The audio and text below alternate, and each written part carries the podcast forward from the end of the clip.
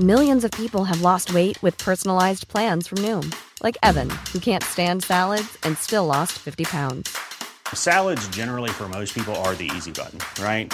For me, that wasn't an option. I never really was a salad guy. That's just not who I am. But Noom worked for me. Get your personalized plan today at Noom.com. Real Noom user compensated to provide their story. In four weeks, the typical Noom user can expect to lose one to two pounds per week. Individual results may vary. It's that time of the year. Your vacation is coming up.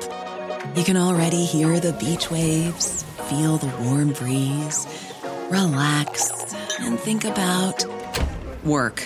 You really, really want it all to work out while you're away. Monday.com gives you and the team that peace of mind. When all work is on one platform and everyone's in sync, things just flow wherever you are. Tap the banner to go to Monday.com. Hiring for your small business? If you're not looking for professionals on LinkedIn, you're looking in the wrong place. That's like looking for your car keys in a fish tank.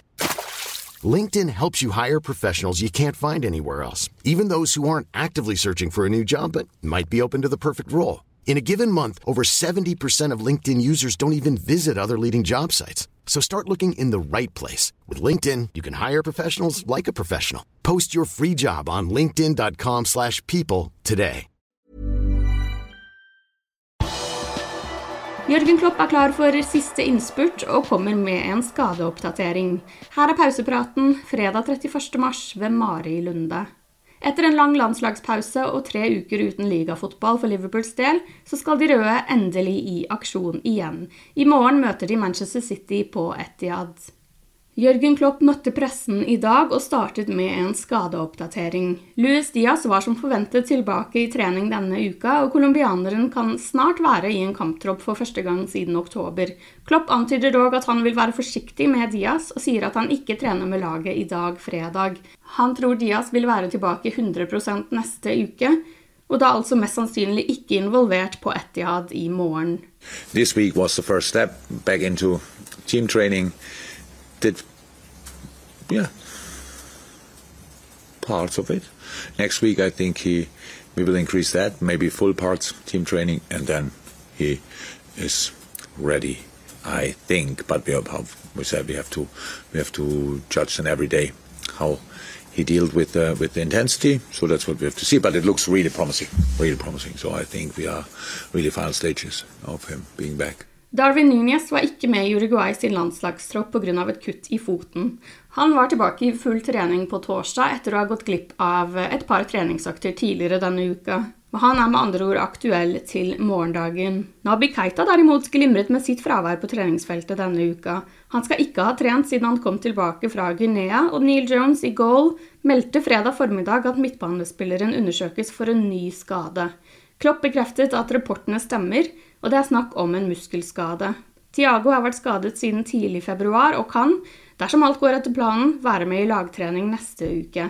Joe Gomez er skadefri. Liverpool går inn i en periode med tre veldig tøffe kamper mot henholdsvis Manchester City, Chelsea og Arsenal. Klopp gleder seg. So, That's um, the thing. Look, we are not dumb, at least not um, particularly. But um, so we have we, we know that we have the last game we played was Madrid was not a good game. Um, the game before was Bournemouth was not a good game. The game before was world class. So um, so we have to make sure that um, yeah that we pick up from there. Um, or react on the other two games, whatever. So City don't know exactly. They have to expect us uh, us to be in the top, top, top shape, and we have to, to, how said, we have to show up there and really go for it. There's no there's no other chance for us, and that that makes yeah. You, you want to play these games. It's, we play City, Chelsea, and Arsenal every season, but in one week is pretty special. And yes, it's difficult, but it's a situation. And now uh, we are here. Most of the boys are healthy, and let's try and help them and use them and bring them in the best possible um, shape And let's go. Premier Leagues toppskårer Erling Braut Haaland måtte trekke seg fra landskampene til Norge forrige uke pga. en lyskeskade. Nordmannen reiste tilbake til Manchester tidligere denne uka, men han har fortsatt ikke vært å se på bilder fra Manchester Citys treninger. Klopp fikk spørsmål om hvordan den mulige skaden påvirker Liverpools forberedelser. Yeah, not too much because it's about first and foremost but when you prepare a game, um, then you prepare all the things um, pretty much to avoid the final pass. And that's where then Erling obviously really comes into the game and makes all the difference. Um, but if he cannot play in Alvarez plays, that doesn't make that makes City different, but not weaker. Uh, so because City used to play without uh, that, Alvarez is obviously a, a proper striker, but they, they, they, became champion without a striker, so they they, they have different ways. Um, yeah, it's different, but that's the situation. I don't think uh, City knows already who will line up. Maybe they're not bothered, um, but um, that's how it is. You don't never know 100% who can play on Quimbledon. You have to play, to prepare for different um, for different scenarios, and that's what we do. Det er altså usikkert om City må klare seg uten Haaland eller ikke, men en vi definitivt ikke får se lørdag, er Phil Foden. Han måtte nemlig operere bort blindtarmen forrige helg og er ute i flere uker. Manchester City mot Liverpool, kampen har avsperret klokken 13.30 og vises på V-Sport PL og Viaplay. Helt på tampen av pressekonferansen fikk Klopp spørsmål om arbeidet mot neste sesong og om en mulig sportsdirektør og nye spillere. Det høres ut som det er gode nyheter. In international break, apart from having a few days off. I don't plan training sessions or what because I don't know who's coming back, how, when, and stuff like this. But yeah, we do that. So how successful was it, do you think, in terms of maybe looking for a sporting director or potential players coming in the summer?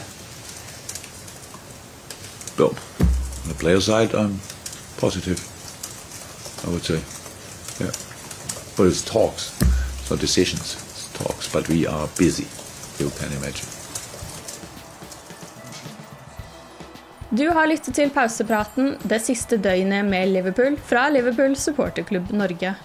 For flere Liverpool-nyheter kan du besøke liverpool.no.